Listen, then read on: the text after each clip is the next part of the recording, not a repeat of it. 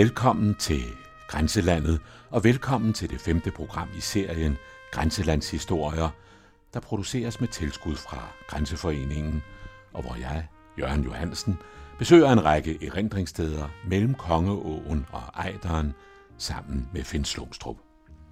Hvor Hervejen eller Oksenvæg nærmer sig grænsen, og Dannevirke ligger Immervad Bro, og nogle hundrede meter derfra står en af de danske landskabers mest bemærkelsesværdige runesten, Herulstenen.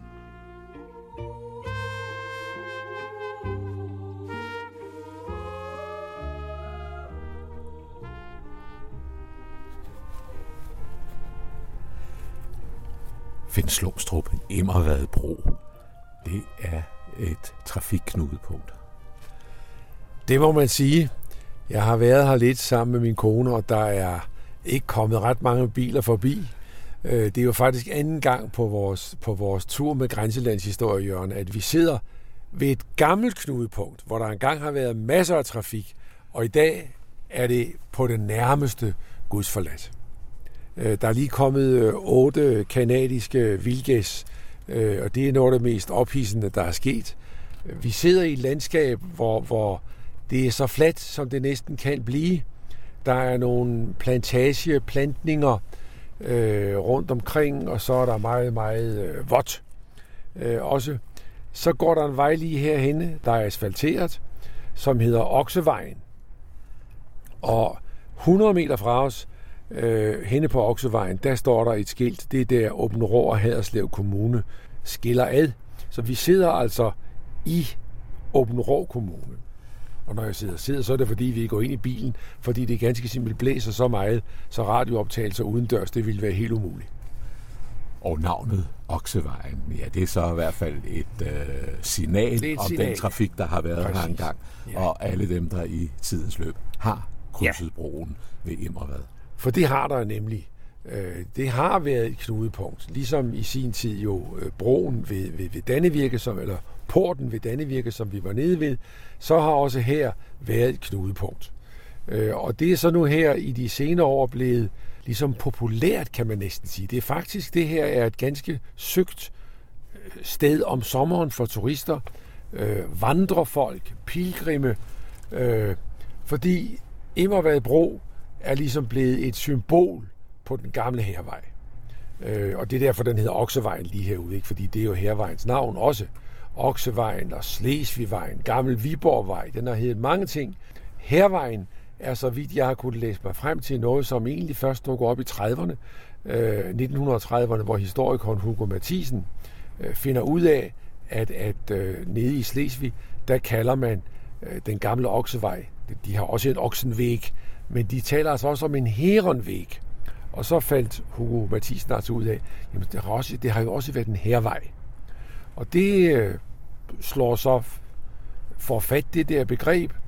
Og så fra 1970'erne, der kommer der jo en forening, der hedder Fodslag, øh, som begynder at lave vandringer på hervejen. Øh, og, og det bliver så mere og mere populært, og nu omstunder kan man jo også om sommeren med hele familien lege sig en prærievogn og køre rundt på hervejen, ikke sandt? Plus, at der jo også er kommet noget næsten pilgrimsagtigt over hervejen. Øh, lige her bag ved Immervad Bro, øh, der ligger øh, den gamle Immervad Kro. Det er ikke nogen kro mere, men det var en kro engang. I dag er den faktisk et herberg. Der, ja. Der, ja, for der er simpelthen oprettet en lang række herberger langs hervejen. Simpelthen. Simpelthen under, under, de siger det jo direkte, under indtryk af, hvor meget vejen til Santiago, altså Santiago de Compostela, har betydet så måske kunne man også her øh, få lavet en tradition. Så der er et, et, et herbergsskilt, gammel øh, munketegn i virkeligheden. Øh, så ved man, at her er der et meget ydmygt herberg, hvor du altså også får en tilsvarende meget ydmyg betaling, øh, kan få lov til at øh, overnatte. Og, og gården heromme bagved, der altså har været den gamle Immervad Kro, det er et af de steder, hvor der nu er sådan et herberg så man kan komme til at overnatte lige ved Immervadbro. Ja, for Immervadbro, det er simpelthen sådan et af de helt markante steder langs hervejen, som så også blev kaldt Oksevejen, eller måske Studevejen, fordi det begreb, som man forbinder med det, ja, det er studedriften ja. gennem Jylland. Og, og den har været omfattende. Øh, man ved, og det ved man faktisk fra, fra øh, Krogens dagbog. Krogen herinde, der kan man se, at, at på en almindelig sommerdag, der kunne der godt komme 700-800 stude forbi. Og det, det er dog en del. Øh, man regner med, det vil altså sige, at der er kommet en, det er en 10-15 øh, spand, der kommer forbi der. På de helt store dage øh, har der været mere end 1000. Så der har virkelig været trafik. Øh, og jeg tror, en af grundene til, at Immervad Bro er blevet så, så øh, kendt, øh, også historisk, er jo det, at det faktisk var ret svært at passere åen. Før broen kom, der måtte man jo vade igen vandløbet simpelthen. Øh, og, og, og der har passagen her ved Immervad har været en af dem, der virkelig har været markeret med høje i landskabet og alt sådan noget. Så kom der en træbro, øh, og den øh, blev så efterhånden så dårlig, at noget måtte der gøres. Og det gjorde man så i 1786-87, hvor man fik lavet den her bro. Øh, der går en historie om, at alt granitten, og det er faktisk et imponerende stykke granitarbejde, er hentet fra en kæmpe stor granitsten, eller granitblok, som man i virkeligheden kun brugte halvdelen af. Så halvdelen skulle stadigvæk være oppe på Haderslevkanten. Om det har noget på, så ved jeg ikke.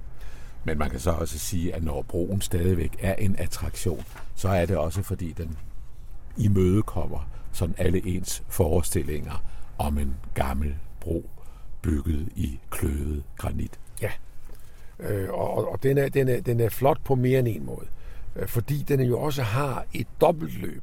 Der, der, der er to løb, åen kunne løbe igennem nede under. Nu løber åen der jo ikke mere. Den, den løber to meter væk, fordi de sønderjyske år er blevet lagt om. Øh, så, så den er tørlagt. Man kan godt kravle ned igennem. Jeg gjorde det før og slog kun nakken en gang og fik en bule, for der er altså ikke ret højt, når man kravler ned under broen. Men det kan lade sig gøre. Øh, historien vil også vide, at det faktisk var en landmand, han hed Jørgen Petersen Aarø, der han, det var ham, der byggede den sammen med sin nabo Mathias Poulsen, og det skal nok stå til troende, fordi 1786-87, det er ikke så lang tid siden. Øh, så øh, så det, det, de lavede det stykke arbejde der. Øh, de længste stenbjælker er faktisk over 3,5 meter lange. Så det har været et, i virkeligheden et kolossalt arbejde. Men, men historien ved Immervad går jo endnu længere tilbage, fordi, fordi øh, ifølge øh, overleveringerne, så har der faktisk her ved Immervad stået et stort slag øh, mellem Erik af Pommern og de holstenske grever i 1422, og folkevidet vil vide, at det slag var sådan, så vandet i åen var rødt af blod. Så det har været et stort øh, drama på den tid. Så er det mere fredeligt i dag. Men stadigvæk får man alligevel sådan en fornemmelse af ja, næsten et historisk vingesus, fordi broen har så den der specielle façon og forestillingen om, at på den smalle overgang, der har jo altså øh, igennem århundreder alle disse stude øh, vandret på vej. Ja, på vej hvorhen? Ja, på vej ned til, til øh, Slesvig og ned til Reinsborg. Øh, og øh, den har jo gået altså helt op fra Viborg, og så helt ned, i virkeligheden helt ned til Ejderen. Og når, når vi så snakker om hervejen, så skal man jo også være opmærksom på, at det passer jo ikke. For, for der har været flere Øh, historikerne regner med i dag, at der er i hvert tilfælde fire herveje, som man egentlig kan følge, altså fire lange nord-sydgående forløb. Men de har jo så en tendens til at, at stramme til, Øh, når man skal over vand. Og det er derfor, det her igen altså bliver et virkelig øh, knudepunkt. Men, men øh, jeg kan huske, da jeg var, da jeg var øh, højskolelærer i Askov i 1970'erne, der havde øh, vi besøg i, i, i flere uger af forfatteren og, og højskolelæreren øh, Mads Lidegaard. Øh, Mads har skrevet en masse ting om Grønland og så videre, men han fik også på et tidspunkt den idé, at der har været mange flere herveje, end vi er klar over. Så han arbejdede faktisk, øh, og der kommer forskellige bøger ud af det, hvor han altså følger gamle veje ned igennem landskabet. Det brugte han år af sit liv på. Så udtrykket hervejen er, er forkert. Der har været mange, og hvorfor så, om det så den, vi nu kender som Oksevejen, om det så faktisk har været den mest øh, brugte, det, det, det tør jeg ikke sige. Men i hvert fald, masser af okser er kommet vandrende her. Og øh, ja, på en måde foregriber det vel også lidt af den transport, der i dag finder sted ned mod Tyskland af kvæg eller svin til slagtning. Jamen det gør det da. Det er, historien, det, det, linjen, er, linjen er for så vidt ubrudt. Det er transportformen, der er anderledes, kan man sige. Øh, der sker jo det, at da, da øh, skibstrafikken bliver kraftigere, så tager den så øh, noget transport. Men, men det, der i virkeligheden for alvor sætter hervejen ud af brug, det er jo jernbanen.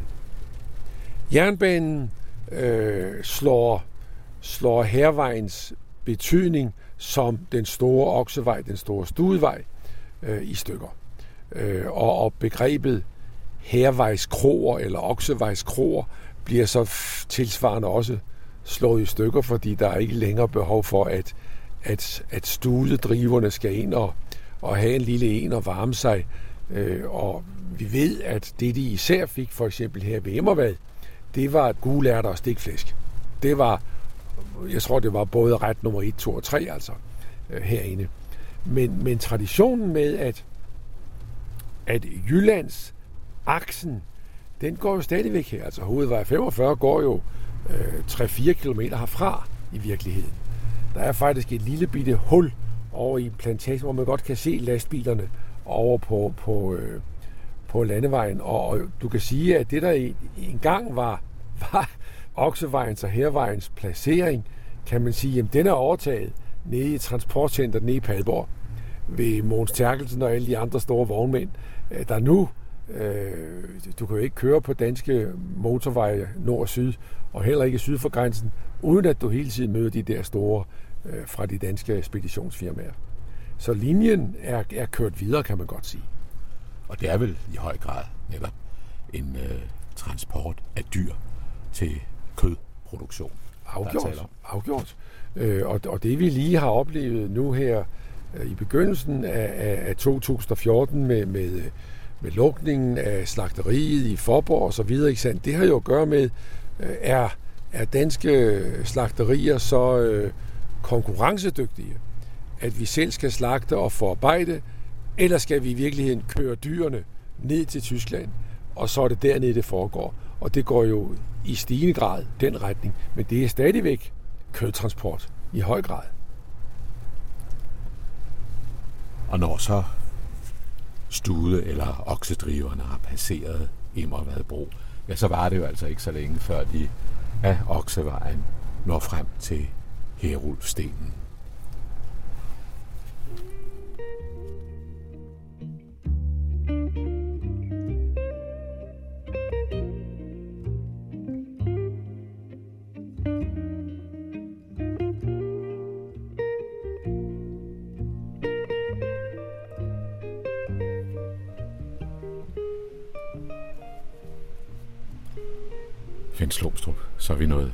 Til Herulfstenen. Ja. Vi har bevæget os øh, halvanden kilometer sydpå, ned af, af Oksevejen i forhold til, til Immervad øh, Bro, vadestedet ved Immer, som det jo egentlig betyder. Øh, og hernede står så Herulfstenen. Øh, og det er jo en af, umiddelbart kan man sige, nå ja, det er en runesten. Og dem har vi jo øh, et par hundrede stykker af i Danmark. Øh, men det her er en af de gamle det, Den er altså den er ældre end Jellingestenene for eksempel. Vi er nede i 800-årene, øh, dengang hvor budskabet kunne ganske simpelt ikke blive enklere, fordi man huggede bare sit navn. Så det her, det er Herulf. Øh, og hvad betyder det så? Øh, og der går savnet så, at, at Herulf øh, hær og ulv og så videre. Ikke? Det er nogle stærke begreber, der arbejdes med. Han var øh, høvding for vikingerne her på egnen i øh, 800-tallet. Og stenen har stået her selvfølgelig i, i mange, mange år, men den har en mærkelig historie, fordi den har nemlig også været væk.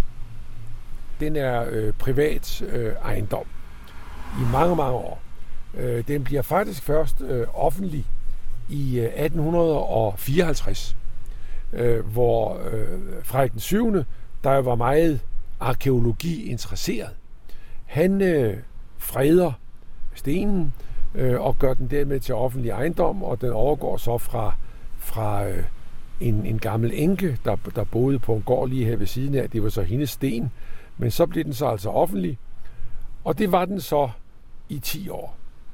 For på fuldstændig besynderlig måde, så bliver Herupstenen så en del af øh, krigen i 1864. Meget mærkeligt. Men det går altså sådan til, at øh, den tyske øh, kommandant, eller lederen af de tyske, preussiske tropper, skal vi sige, øh, det var prins Friedrich Karl af Preussen. Da han øh, efter krigen i 1864 bevægede sig rundt i øh, territoriet, øh, så får han altså øje på den her sten, og så tager han den simpelthen med sig og anbringer den i Berlin. Han er ved at bygge sig et øh, lystslot, et jagtslot, Dreilinden, der ligger ude ved Potsdam. Øh, og der anbringer han så øh, havelstenen i parken. Og der står den så. Og der stod den så og pyntede i virkeligheden i temmelig mange I år. I temmelig mange år. Øh, og, og, og så snart vi er om på den anden side af 1920, øh, og genforeninger, hvad ved jeg, så kommer der gentagende henvendelser fra, fra øh, dansk side, at man vil gerne have stenen tilbage igen. Og det kommer der ikke noget ud af før i 1951, hvor der sker det mærkelige, at en, en, øh, en rektor, øh, Jes Christensen, nede i Flensborg, han er meget aktiv, og han finder sig en allieret, som man ikke rigtig skulle gætte, nemlig overborgmesteren i Berlin. Ernst Reuter, der er overborgmester i Vestberlin, han, er født i Åben han var født i Åben Og han forstod derfor, hvad det var, man snakkede om, med at man gerne ville have hævestenen tilbage. Og så gik Reuter altså faktisk ind i sagen, og så blev det klaret øh, meget rimeligt, sådan at modtageren skulle selv betale transporten. 462 D-marker 40. Men så blev den også leveret med jernbane og stillet op ungefær der, hvor den var blevet fjernet fra i 1864.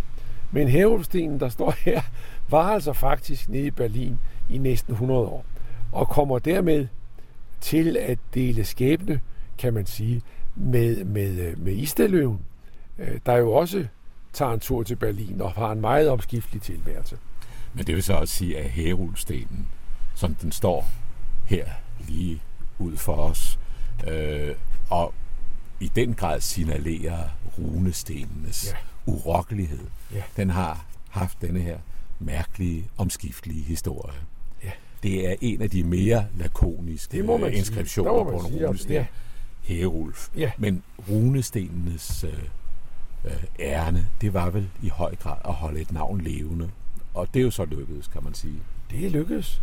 Øh, så man kan stadigvæk her, altså det er jo et sted, hvor, hvor øh, hvis man har historisk sans, så er det her i virkeligheden meget øde landskab. Og, og det bliver jo endnu mere øde sådan en dag, hvor, hvor, hvor, hvor det stadigvæk er vinter, og så, hvor vi er her, ikke sandt? Det, det, det, det taler altså til fantasien. Og her er vi jo så også i den situation, at vi kan bare se 200 meter væk. Øh, vi kan stå her ved Herupstenen og se over på en bronze- eller gravhøj, der hedder Stengelhøj, øh, der ligger lige her, altså 200 meter øh, øst for os må det blive. Øh, og der står der jo en meget, meget flot bagtasten, som vi også kan se stakkens her. Øh, det var en skik, men også at den står og holder vagt ved, ved gravhøjen. Så det er et, et, et, et specielt landskab, vi er i. Øh, hernede syd for Kongåen, vi sagde før, at der, der er 200 runesten i Danmark. Syd for Kongården er der faktisk kun syv. og de, og de fem af dem står nede ved Hedeby. Så, så Herulfstenen her, nord for Åben Rå ved, ved Østerløgum og så videre, det, det er øh, en slags attraktion i Sønderjylland. De har, de har ikke så mange af dem. Nej, for ellers er det vel altså netop en del af runestenenes væsen, at de øh, er placeret ud til øh, sådan en øh, trafikeret vej, som hervejen var engang. Gravhøjene og runestenene, det er jo nogle af de øh, mærker, kan man næsten sige, i landskabet, som følger hele hervejen hele vejen op igennem ja. Jylland. Ja. Og de kunne, de, de skulle dels, tror jeg, signalere øh, liv, men de skulle jo også signalere storhed. For det var jo ikke hvem som helst, der fik en øh, runesten, eller lavede sig, må man jo sige. Det var ikke hvem, der lavede sig en runesten. Det var jo heller ikke hvem som helst, der fik en stor gravhøj. Så, så her, øh, vi er jo ved, ved den gamle hovedfærdselsåre, og det er også her, man gerne vil vise, at, øh, at man var noget. Vi ved jo ikke, men sandsynligvis har Herulf jo øh, selv lavet stenen, mens han var i live, øh, som et, et varsel om også hans bebyggelse, ved vi jo ikke noget om. Ikke? Men hvis nu det passer, øh, hvad man siger, at han var en stor øh, vikingehøvding, så skal den selvfølgelig signalere storhed, indgyde respekt, og der har utvivlsomt været bebyggelse øh, lige nærheden. Man kan vel også sige, at som Herulstenen står her, så står den også som en forløber for sådan et begreb som de mindesten, der er blevet rejst mange steder øh, i det danske landskab, som erindringer om folk, der har spillet en særlig rolle på en egen eller i landets historie, måske ovenkøbet.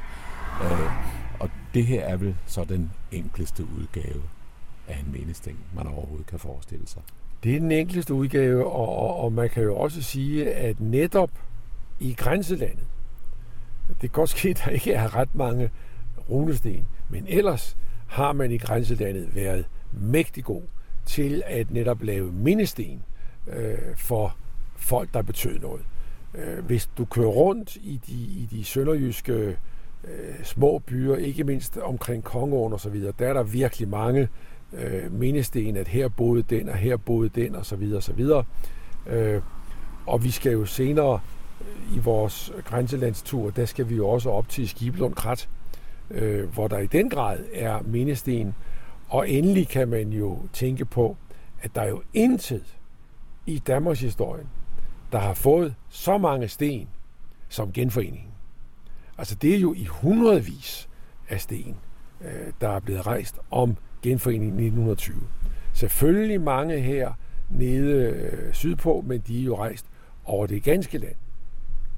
Øh, og der er der også mange øh, sjove historier ved dem. Nogle af dem er meget ordinære, men, men øh, mindestenen for genforeningen hjemme i Æverskøbing, hvor jeg bor, den er jo helt speciel, fordi det er fire sten rundt om et nyplantet dengang lindetræ på torvet, og så en genforeningsbegejstring så stor, at man har indhugget året 1919, fordi man var sikker på, at det måtte blive 1919.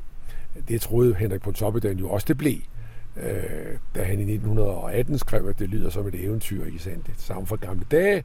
Øh, en elsket datter, dybt begrædt, er kommet frelst tilbage. Og der skriver han jo så der i 1918, at til sommer, så vejer Dannebro igen over Dybølbanke. Det gjorde det jo ikke. Det blev først i 20. Men, men Herulf kan godt siges at, at trække en, starte en meget, meget lang linje hen over 1100 år, som det forløb er, at vi rejser sten, eller 1200 år, vi rejser sten, øh, når der er sket noget vigtigt. Og så bliver det jo til med også med den historie, Herulfstenen har, en slags genforeningssten. Det kan man godt sige. Den har, den har været ude at rejse. Øh, og jeg ved ikke, om der er andre, jeg tror det ikke, at der er andre runesten, der har været ude at rejse på tilsvarende måde. Øh, det, det har jeg ikke hørt om. Så, så den, der er også en slags genforening over det der. Den er i hvert fald kommet hjem. Øh, det er fuldstændig rigtigt. Herulstenen er en af de markante sten i landskabet her i Sønderjylland, hvis vi bevæger os ned på den anden side af grænsen, så skal man ikke ret langt, før man kan finde en sten med det øh, interessante navn Popo-stenen. Ja, den havde vi også, øh, da vi planlagde vores grænselandshistorier.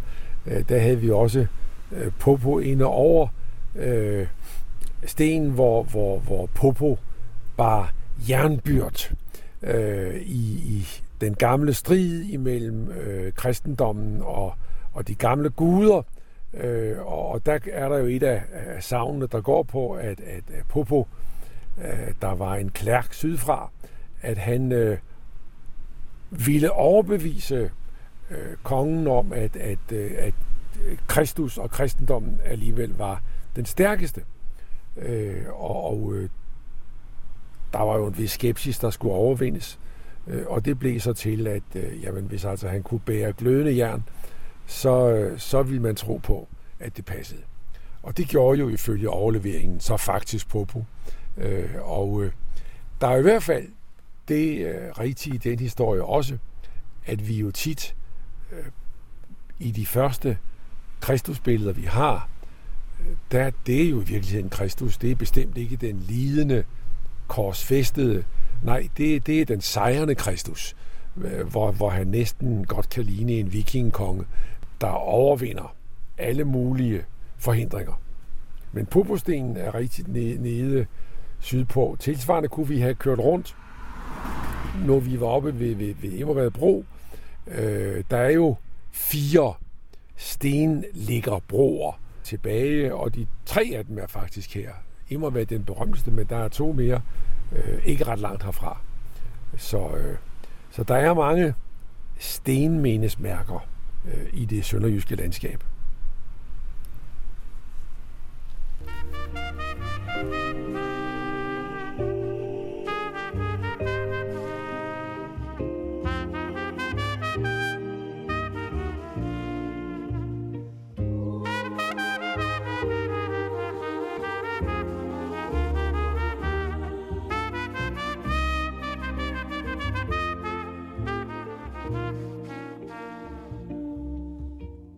Og til musikken fra Valdemar Rasmussens I Noldes landskab slutter det femte program i serien Grænselandshistorier, der støttes af Grænseforeningen.